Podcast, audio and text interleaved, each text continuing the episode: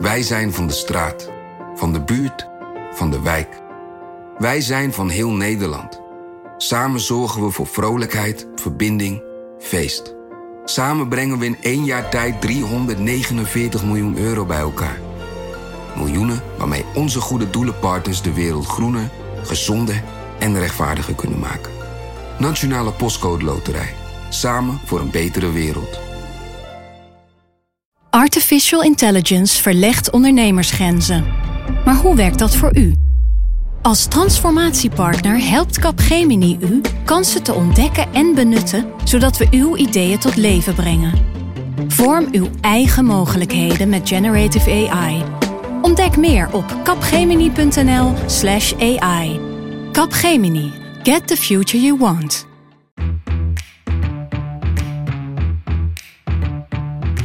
Dit is Haagse Zaken. Mijn naam is Lemia Aharwai.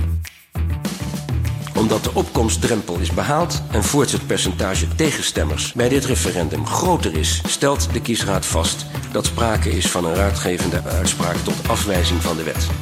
En nog even de sleepwet. Dit is geen sleepwet. Als er één leugen is, dan is het het woord sleepwet. En ja, één politieke wet is, als je ergens een ja stem voor moet hebben... dan moet je een positief, optimistisch verhaal vertellen. Ja, maar het, eh, spelshows op tv zijn ook leuk. En uh, kantposten is ook leuk. Maar uiteindelijk gaat het natuurlijk toch om serieuze dingen. Maar het is wel frappant dat onze premier bij dingen die hij leuk vindt... dus moet denken aan spelshows op televisie en, en kantklossen.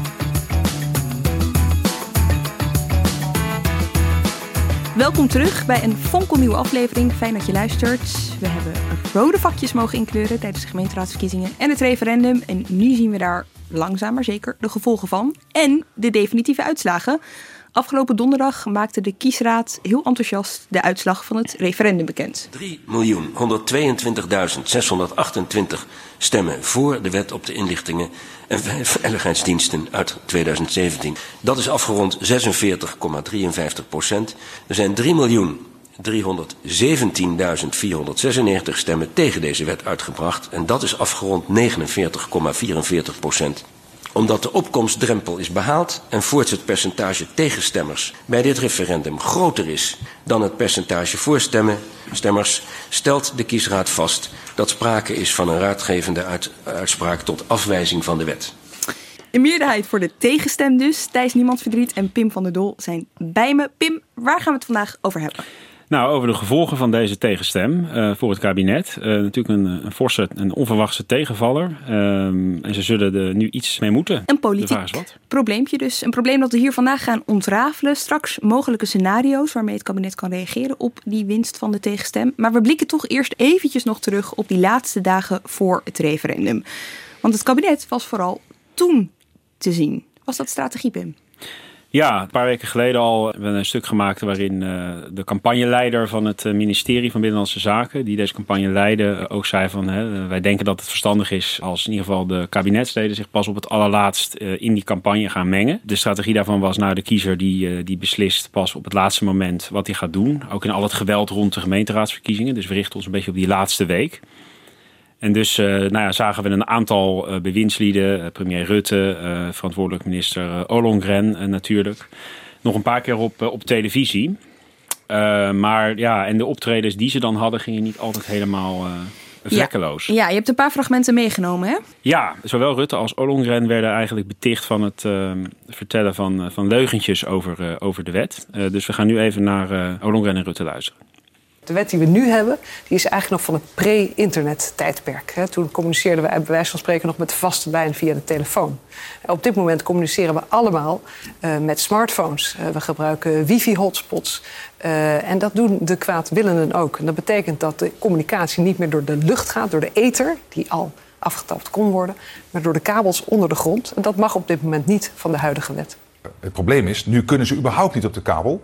Alleen via de ether, terwijl dat verkeer nu allemaal via mhm. wifi en uh, WhatsApp uh, en onze iPhones over de kabel gaat. Maar die aanslagen die zijn natuurlijk niet voorkomen door twee kijkgaten in een krant. Die zijn voorkomen doordat dan ook al nu op, via de kabel afgetapt kan worden en meegeluisterd. En waar zit de leugen dan volgens nou, u? Dat minister-president Rutte pas geleden nog zei dat de IVD nu überhaupt niet, een letterlijk citaat, op de kabel kan. Minister Ollongren zegt precies hetzelfde. Dat is dus gewoon niet waar. Reactie? Nee, maar dat klopt niet. De vraag die je kreeg is of je op de kabel mag doen wat je nu in de eten mag doen. Het antwoord is nee. Nou, die vraag die kreeg Rutte dus helemaal niet. Want dat was, uh, dat, dat, hij ontkent hier dat hij het fout zei, maar hij zei het inderdaad verkeerd. En dat gold ook voor, uh, voor Olongren. Dus we kunnen de, deze live factcheck van Lydia Marijnis uh, beoordelen als, als waar. Want hè, de, de essentie van de nieuwe wet, waar we over hebben gestemd, hè, is dus dat de geheime diensten echt op grotere schaal informatie van de kabel mogen aftappen is eigenlijk ongericht. En bij de huidige wet kunnen ze al, als ze bijvoorbeeld echt één persoon op het oog hebben, mogen ze die al aftappen. Dus dat ze helemaal niet op de kabel kunnen, dat klopte dus niet. Dat kregen ze terug in de campagne. Ja, het was dus niet onjuist, het was gewoon een uh, onwaarheid die daar verkondigd werd, bewust door, uh, ja, door de Ollengren en ze dat, ja, waarschijnlijk wisten ze dit wel. Dus dit Natuurlijk was, wisten ze dit. Heel ja, onhandig, gewoon, onhandig om dit zo verkeerd te zeggen. Sorry, ik snap dat, ik snap dat dus niet, hè? want je weet toch dat je daar uiteindelijk op gewezen wordt. Ja, Rutte heeft, die, die zoekt wel vaker de randen van de, van de waarheid op met het idee, met de gedachte dat hij er dan wel mee wegkomt. En vaak komt hij er ook mee weg. Uh, maar volgens mij, kijk, het punt van deze wet was natuurlijk ook dat heel veel mensen natuurlijk niet precies weten wat er in die wet staat. Het is gewoon een hele grote, gecompliceerde wet met veel dingen erin. Er is natuurlijk een groepje fanatieke privacy- en inlichtingen-experts die wel het exact weten. Maar ik denk dat Rutte en Ollongren dachten, nou, als we het nou een beetje zo formuleren, uh, wie gaat ons daar dan op wijzen? En dat was ook zo. In die, in die interviews werden ze er ook niet op gewezen. Het was een politicus die zich goed had ingelezen, namelijk Lilian Marijnissen, die even de vinger op de zere plek legde. Ja, overigens, als je wel alles over die wet wil weten, luister even Haagse Zaken nummer 24 terug. Dan hoor je alles over die WIF. Het was niet het enige opmerkelijke fragment van Rutte. Nee, want Rutte gaf ook een uh, interview aan één vandaag, twee dagen voor het referendum. En daar werd hem uh, op het einde nog gevraagd wat hij nou eigenlijk van dat uh, hele referendum vond, nog eens een keer. Jammer dat het weg is. Mensen vinden het wel leuk, heb ik de indruk. Kunnen ze een beetje meepraten. Ja, maar het, spelletjeshows, spelshows op tv zijn ook leuk. Uh, en en, en, en uh, kantklossen is ook leuk. Maar uiteindelijk gaat het natuurlijk toch om serieuze dingen. Ik heb even moeten googlen wat kantklossen is. Weet ik wist niet? het ook niet. Nou, ik wist het echt niet. Maar... Een oud-Hollandse bezigheid? Ja, dat formuleer je heel abstract. maar je dus van die, tafel, van, die, uh, van die dingetjes maak je dan die je zo op tafel legt. Van die sierdingetjes die vaak bij oma's op tafel liggen. Oh ja. Dat is toch wel heel Daar frappant. je het mee. Ja, het is echt, dit is toch vrij dodelijk. Ik bedoel, als je het beeld wil creëren van uh, de arrogante macht die uh, van het referendum af wil, omdat ze niet aanstaat wat de mensen stemmen, ja, dan helpt dit natuurlijk voor geen meter. Er zullen echt, er zullen echt wel een paar mensen geweest zijn die dit zagen en dachten, Amahula, ik ga tegenstemmen. Want je kunt het krijgen ook, Rutte. Maar is dit strategie? Is, is hierover nagedacht? Nee, Want het ja, komt een beetje over als dat hij zo uit zijn mouw Nee, ik kan me niet voorstellen dat hij hier zo van... Nou, de geen, stra Nee, geen, stra geen strategieadviseur gaat tegen Mark Rutte zeggen... ga jij nou eens even twee dagen voor het referendum... even, even lekker uit de hoogte Ja. iets zeggen... eh, lekker arrogant iets zeggen over het referendum... want dan krijgen we nog echt een paar ja-stemmen erbij. Maar het is wel frappant dat onze premier bij dingen die hij leuk vindt, dus moet denken aan spelshows op televisie en, en kantklos. Er was ook nog gesuggereerd dat hij dat, dat, dat, dat, hij dat dan bij zijn moeder doet... eh, als hij daar iedere week komt. eh, eh. Maar dat heeft hij volgens weersproken dat dat zo was. Aan tafel zat toen ook Buma. Nou, dat was een dag later bij, bij Nieuwsuur. Toen zat Rutte inderdaad met Buma aan tafel en met, met Klaver en Marijnissen. En eh, in dat debat viel vooral op dat Buma heel erg zaggerijnig leek. Tegen zowel eh, zijn collega's uit de Kamer als eh, presentator Twan Huis. Buma, u zit te springen tijdens dit filmpje om te reageren. Reageert u in eerste instantie eens op de stelling?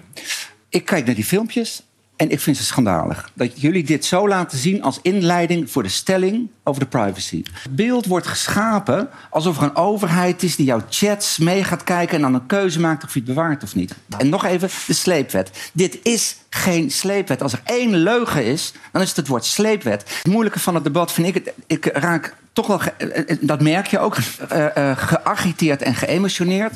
door de volstrekte onzin die je gewoon hier vertelt. Dat bulkdata-verhaal, het is kolder. U denkt toch niet dat ik hier ga praten over die commissie? Meneer zelf Buma, u, uw standpunt is hartstikke duidelijk. Dank. U vindt het eh, schandalig wat hier allemaal over ja, tafel gaat. absoluut. Nou, dit is dus, dit is dus een, echt een paar dagen voor het referendum. Nee, de avond, De avond voor, de ervoor. avond ervoor. Ja, Ja. Even, dit is een compilatie even voor duidelijkheid. Het is Ja. niet dat hij gewoon zo achter elkaar...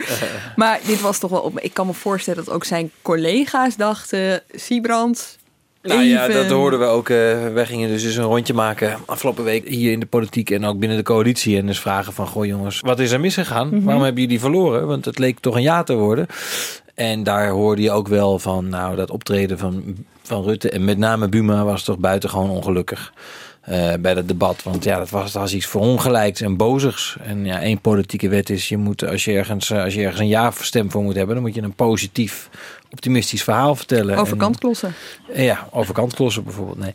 Ja, dus, dus, daar, dus daar was niemand gelukkig mee. Ik heb het Buma zelf niet gevraagd. eh, maar ik kan me ook niet voorstellen dat hij er terugkijkend zelf heel tevreden over geweest is. Maar eh, roept het ook ergernis op? Ik bedoel, eh, we hebben het nu wel over een kabinet dat zit met een uitslag waar ze gewoon helemaal niks mee willen. Ik kan me voorstellen dat ze er ook op ter- terug kunnen kijken met een soort van: eh, oké, dit hadden we echt anders moeten doen. Ja, het gekke is, kijk, als je terugkijkt naar, ook in die eerdere stukken die wij hadden gemaakt, naar wat ze, hoe ze het hebben aangepakt, hebben ze eigenlijk, zeiden ze met zoveel woorden, we hanteren dezelfde strategie als bij het Oekraïne-referendum twee jaar geleden. Ja, dat vonden wij al opmerkelijk, want ja, het Oekraïne-referendum, dat hebben ze gewoon dik verloren. Dus dat, je kan niet zeggen dat dat nou, dat dat nou ontzettend goed gegaan is voor het Mhm. kabinet.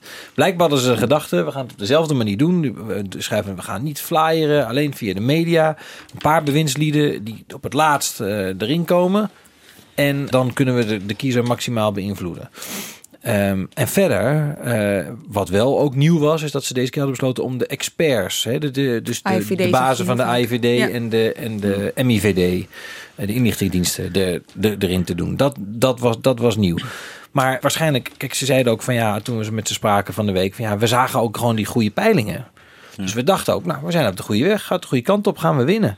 En er is blijkbaar bij niemand de gedachte opgekomen dat die peilingen misschien toch wel eens, dat het wel eens Was dat echt spannender bij zou kunnen. niemand? Was er echt niemand die dacht: jongens, het kan ook de andere Nou, kant op Kees, gaan? Kees Verhoeven eh, van D60 die, eh, die zei van de week eh, tegen mij wel van... nou, ik had het gevoel dat die peilingen dat die niet helemaal klopten. Dus dat het wel meer dichter bij elkaar zou gaan liggen, de echte uitslag. Maar dat het echt met een paar procentpunten nee zou worden... dat had denk ik niemand in het kabinet verwacht. Wat, wat, wat ook heel opmerkelijk is trouwens, is als je. Kijk, als je kijkt naar het kaartje van Nederland van het referendum, dan zie je dat he- het hele noorden van Nederland heeft eh, tegengestemd. Hè? Dus Ja. Friesland, Groningen. Voor een heel groot deel kwam dat omdat dat waren gemeentes waar geen verkiezingen waren. Want er waren eerder al vanwege herindelingen verkiezingen geweest. Dus daar was alleen referendum. Nou, iedereen heeft kunnen zien, twee jaar geleden, eh, bij het Oekraïne-referendum, dat als je alleen een referendum hebt, dan zijn de tegenstanders veel gemotiveerder dan de voorstanders. Dus die komen. Dus ze hadden kunnen voorzien dat daar in grote getalen voorstanders naar de stembus zouden gaan en tegenstanders niet. En er was zelfs mensen die tegen ons zeiden van de week van ja, dat zijn precies het aantal stemmen die het eh, beeld hebben doen kantelen naar een nee-stem. Zonder dat was dat niet gebeurd.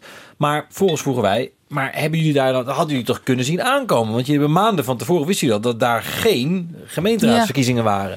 Ja, dat hebben, ze, dat hebben we zien aankomen. En we hebben ook zitten, hebben een beetje zitten kijken. En eigenlijk was onze conclusie, nou, we hoeven daar niet extra op in te zetten. Want dat komt goed. Want daar gaan de mensen ook in Ja, grote mate eh, voor stemmen. Ja, nou, het ministerie zei dus dat hun eigen onderzoek, hè, dus dat is los van de opiniepeilingen. Ze zeggen ook, we hebben ook zelf onderzoeken Mhm. gedaan naar hoe dit ligt onder de bevolking. Ja, en dat dat allemaal wees op, op dat het een voorstem zou worden. En Heel dat dat ook voor het noorden van het land eh, er zo Ja. uitzag.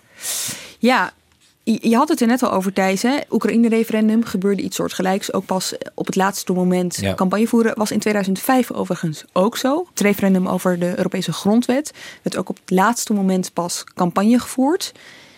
Ja, er was wel één verschil dat toen, ja, zonder een hele geschiedenisles te gaan doen, maar kijk, toen waren er wel veel meer bewindslieden, zichtbaar. En die gingen ook allemaal hel en verdoemenis spreken. Hè? Dus die gingen zeggen, als wij niet voor, dit, voor deze Europese grondwet, dan gaat het licht uit, dan krijgen we oorlog, dan, eh, dan, dan, wordt het, dan gaat het helemaal fout. En eh, daar hebben ze ooit de les uitgetrokken. Oké, we moeten dus niet met doemscenario's Mhm. en vooral niet te veel mensen die wild iets gaan roepen. Een paar mensen die een gerichte, gedisciplineerde boodschap vertellen.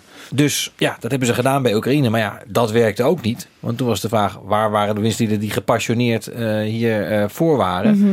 Nou ja, we hadden nu inderdaad Buma die gepassioneerd voor was. Maar dat, dat uitte zich Pakte dan ook een op een beetje- eh, boze Ja, en in de coalitie beklaagden ze zich ook over een eh, gebrek aan interviewverzoeken en mediaverzoeken. Wat ik nog wel eh, ergens ook een opmerkelijk excuus vond. Maar, eh, want daar kan je natuurlijk ook zelf eh, volgens mij wel het een en ander aan doen. Maar zeiden ook, ja, ja, we, de belangstelling hield ook niet over hè, van de pers voor dit onderwerp. Ja, maar goed, als, Maar jij de, als toch- jij de bewuste keuze maakt en zegt... we gaan het alleen via reguliere media Ja. doen... we gaan niet flyeren, we gaan niet uitgebreid op sociale media iets doen... ja, dan maak je jezelf afhankelijk van of die media Ja. het interessant genoeg vinden. Ja.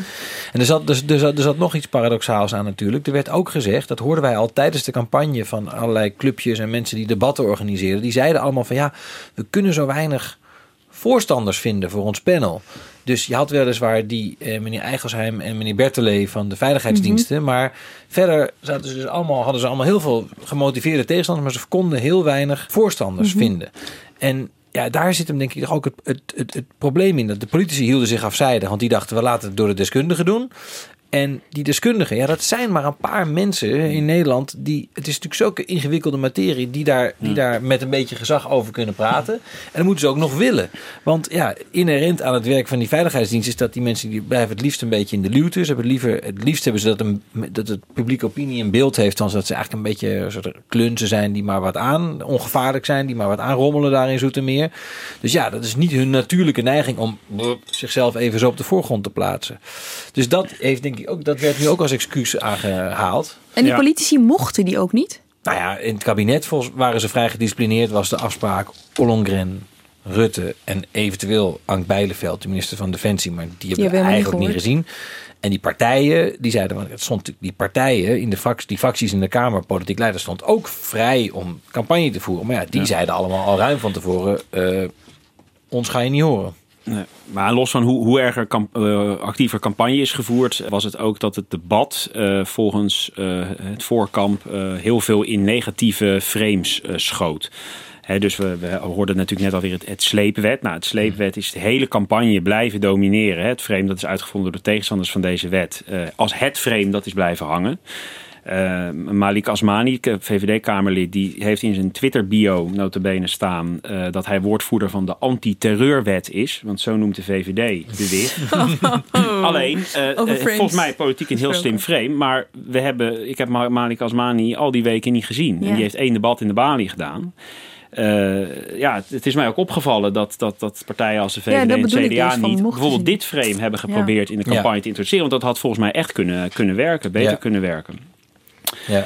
En eh, nou ja, naast de sleepwet beklaagden de voorstanders zich ook over dat er een soort leugens verteld werden over delen van de data met geheime diensten in het buitenland. Daar had Amnesty eh, bijvoorbeeld nog een, een spotje over waar het veel, eh, wat veel over ging. Mijn naam is Eduard Nazarski. Ik ben directeur bij Amnesty International Nederland. Met de sleepwet mogen inlichtingendiensten op grote schaal communicatie over internet onderscheppen.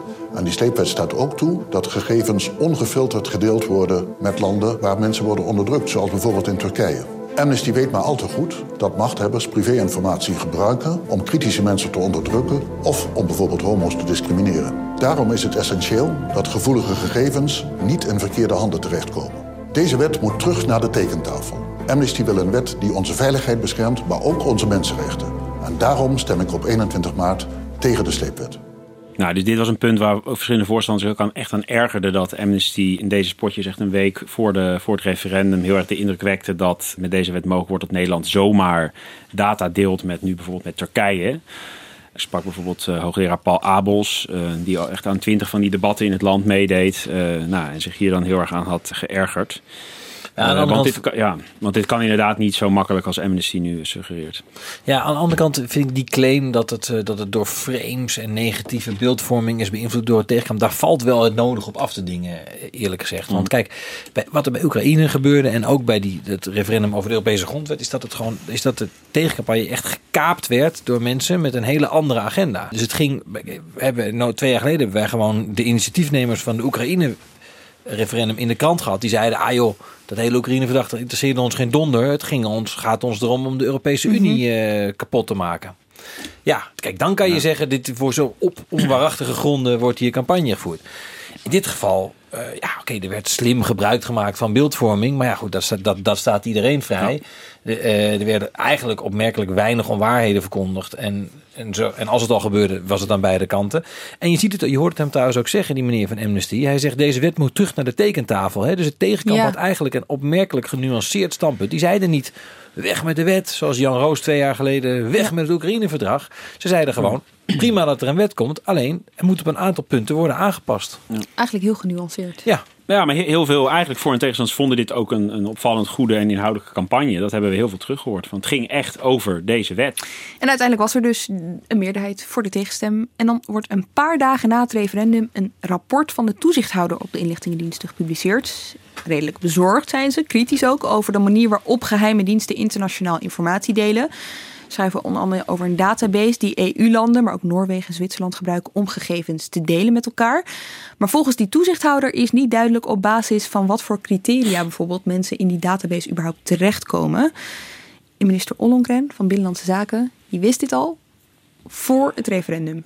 Ja, zij had het rapport al uh, een tijdje in haar bezit. Sinds um, begin uh, februari was het eigenlijk uh, af, afgehandeld. Maar zij zegt, sindsdien hebben wij nog moeten afstemmen met onze buitenlandse partners... of het in deze vorm naar de Tweede Kamer kon. of je dan niet te veel nou, geheime informatie prijsgeeft. En uh, officieel stond er een termijn van zes weken voor het naar de Tweede Kamer sturen van dit rapport. Is dat uh, altijd zo, dat je zes weken... Ja, dat is dus wel Ja, een de standaardtermijn. standaardtermijn inderdaad. Maar nu was het kabinet toch officieel een paar dagen te laat. Het had eigenlijk vrijdag na het referendum bij Ja, de Tweede referendum, Kamer moeten ja. liggen.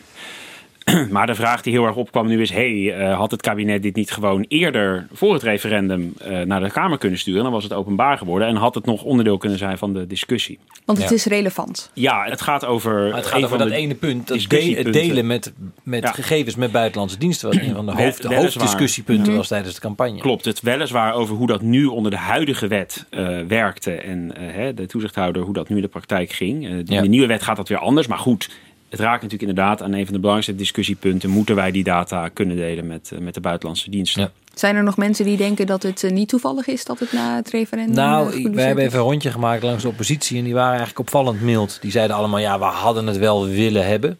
Eh tuurlijk, liever hadden we het wel eerder gehad voor eh, voor het referendum. Maar ja, we snappen ook wel, het was ingewikkeld. Eh, mevrouw Ollengren moest met eh, al die buitenlandse diensten onderhandelen. Want het, was, het ging over info uit meerdere landen. Dus die moesten ook een concept van het rapport lezen. Die moesten ook zeggen, kunnen we dit in het rapport zetten of niet? Dus het was eigenlijk opmerkelijk veel begrip. Ik denk eerlijk gezegd dat dat komt omdat ja, we hebben toch al een nee-stem. Hè? Dus kijk, als het nou een ja-stem was, was Ja. geworden vorige week en dit was bekend geworden, dan hadden we ze waarschijnlijk waren ze vol op het orgel gegaan. Maar dat hebben ze niet gedaan. En ik denk ook dat het eh, de oppositie tegenkamp eh, nu ook voelt dat ze door die nee-stem. Kijk, ze hebben nu momentum. Ze kunnen nu het kabinet onder druk zetten om inderdaad aanpassingen te eisen. Eh, en dan pakken ze het liever dat constructief aan dan dat ze nu een rel gaan trappen over zo'n rapport. Want die aanpassingen, die toezichthouder die doet een paar aanbevelingen over wat er zou moeten veranderen. Of waar zij zich in Ja. ieder geval zorgen over maken. Voorziet die nieuwe WIF die dus al over vier weken ingaat, voorziet die daarin? Ja, ja de, in de nieuwe WIF, dus in de nieuwe wet die nu moet ingaan, eh, worden die criteria, staan die expliciet opgenomen. Dus de kritiek van de CTVD in het rapport van deze week, van dat het onduidelijk is aan welke criteria hè, dat delen met die andere diensten precies voldoet. Ja, die, die is ook redelijk in lijn met hoe ze die nieuwe wet dus hebben aangepast al. Ehm, want in de nieuwe wet staan dus al meer criteria opgenomen. En het, kabinet heeft ook overigens over dat CTVD-rapport nu gezegd van we nemen de aanbevelingen die daarin staan, willen we ook overnemen. Mhm.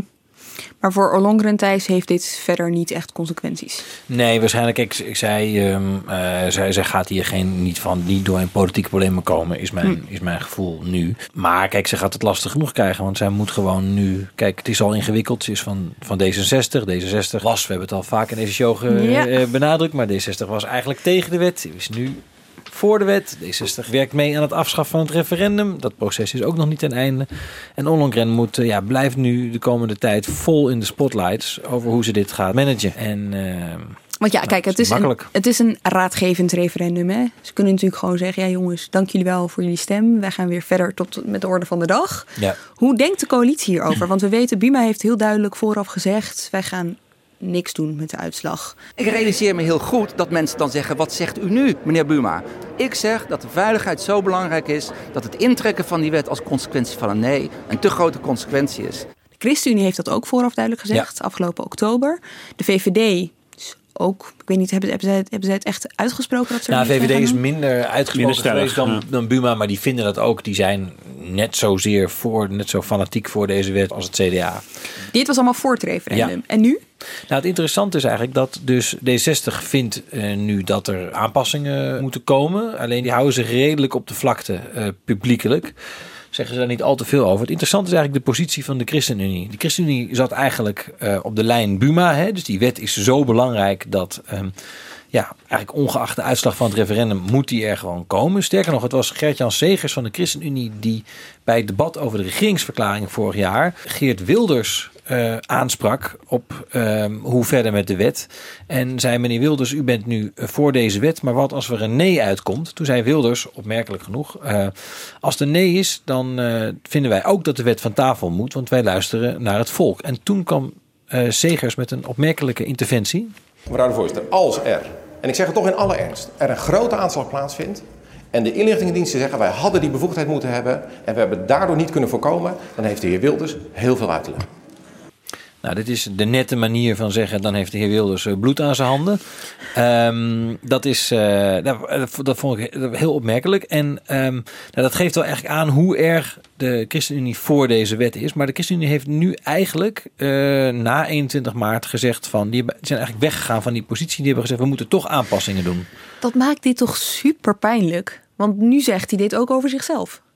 Ja, maar hij zal dat verdedigen door te zeggen: het gaat ons niet om aanpassingen die de kern van de wet raken. Dus we zullen nog steeds, we we zullen tegemoetkomen aan de wensen van aan de, aan de, aan de zorgen van de tegenstanders, maar dat kan, geloven zij, zonder dat je eh, daarbij die mogelijkheden tot. Nou, Hij lult zich er politiek uit.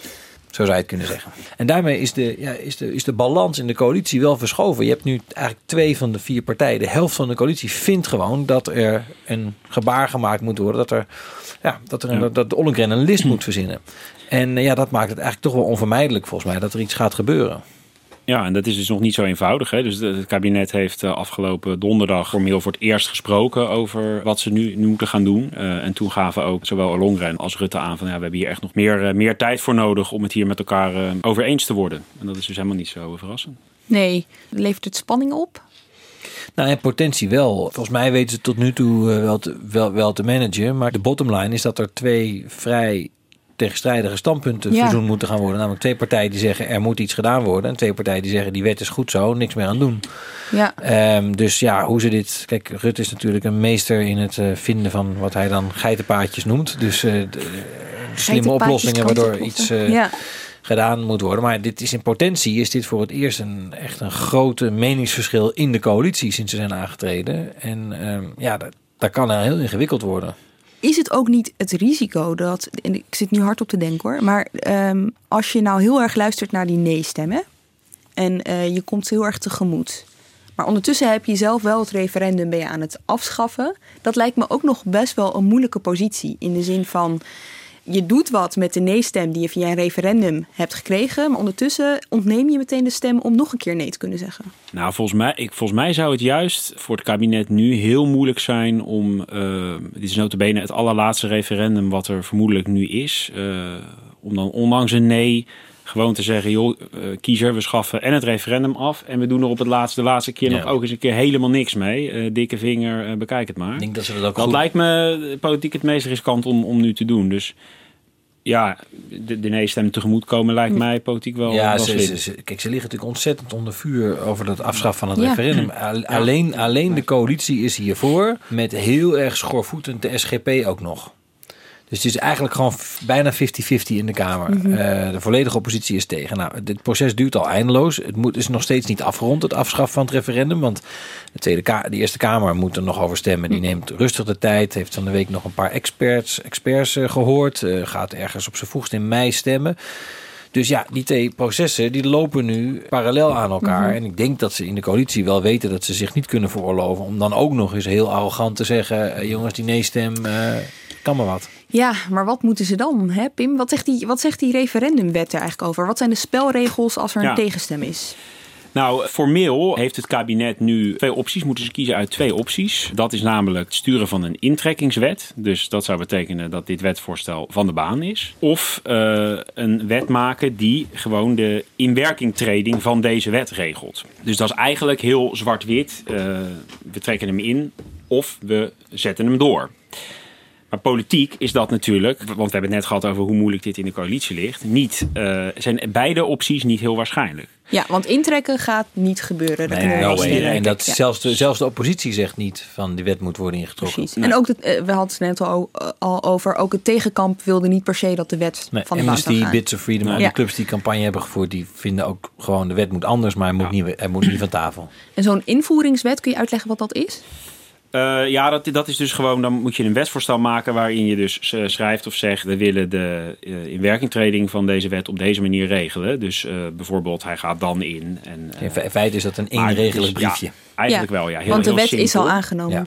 Ja, maar het meest realistische scenario is natuurlijk dat ze, dat ze aanpassingen willen. De vraag is dan, willen ze die aanpassingen eh, in de wet opnemen? Dus willen ze de wet direct wijzigen, de, de nieuwe WIF? Of gaan ze aanvullende afspraken maken uh, die ze bijvoorbeeld op papier zetten? Zoals ook al gedaan is bij het regeerakkoord om D66 tegemoet te komen. Dan is een wetswijziging niet nodig en kunnen ze dus gewoon regelen dat de wet ingaat. En komen er misschien op papier nog weer andere afspraken. Is dat het welbekende inlegvelletje bij het Oekraïne-referendum? Ja, ja, dan krijg je een inlegvel. Overigens is dit inlegvel wel een stuk minder gecompliceerd dan bij het Oekraïne-referendum. Want destijds moest Rutte er ook nog steun voor regelen in Brussel bij 27 andere lidstaten.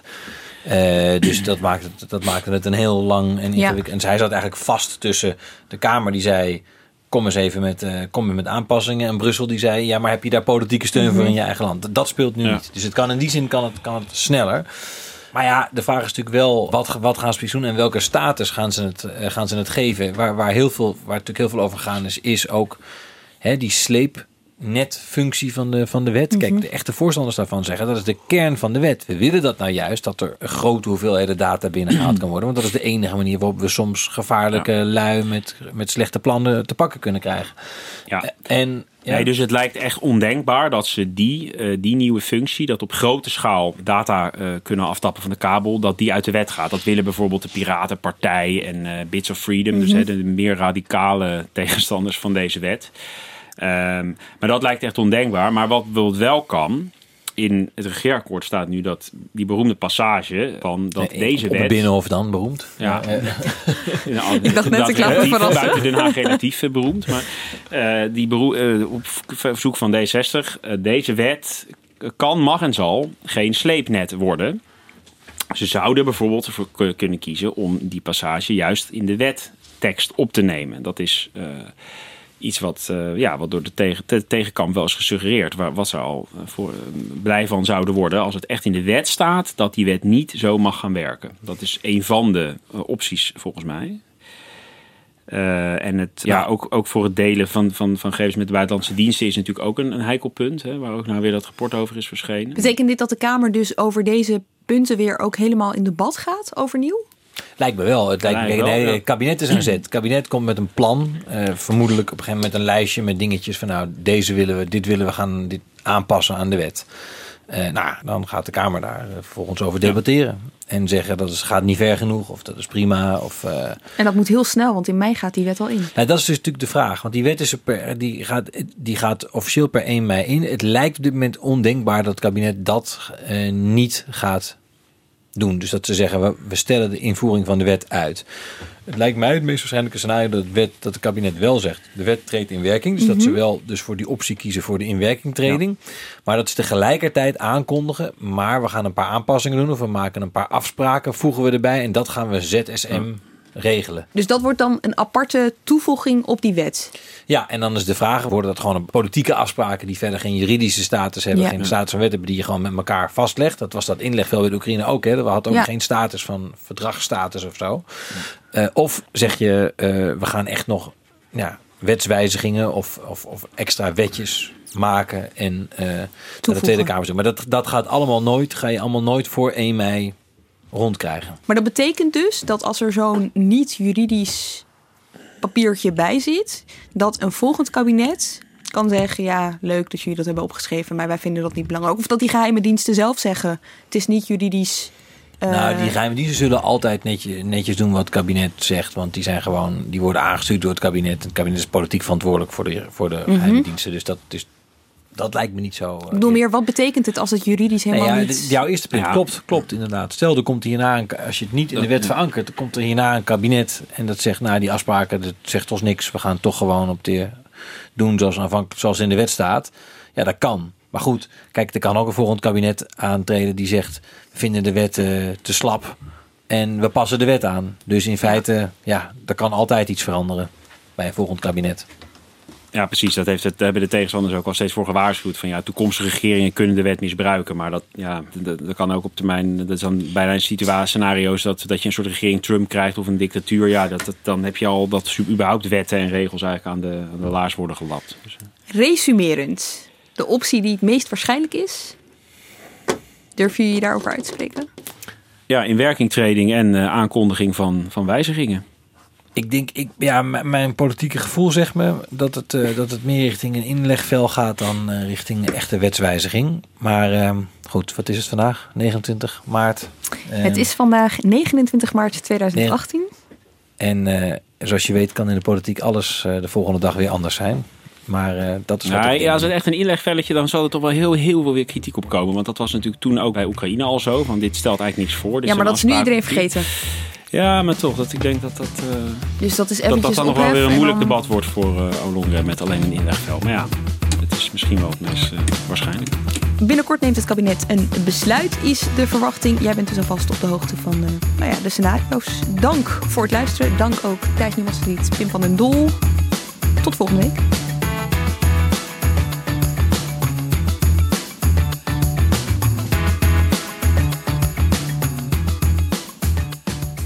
Je hebt aardig wat vermogen opgebouwd.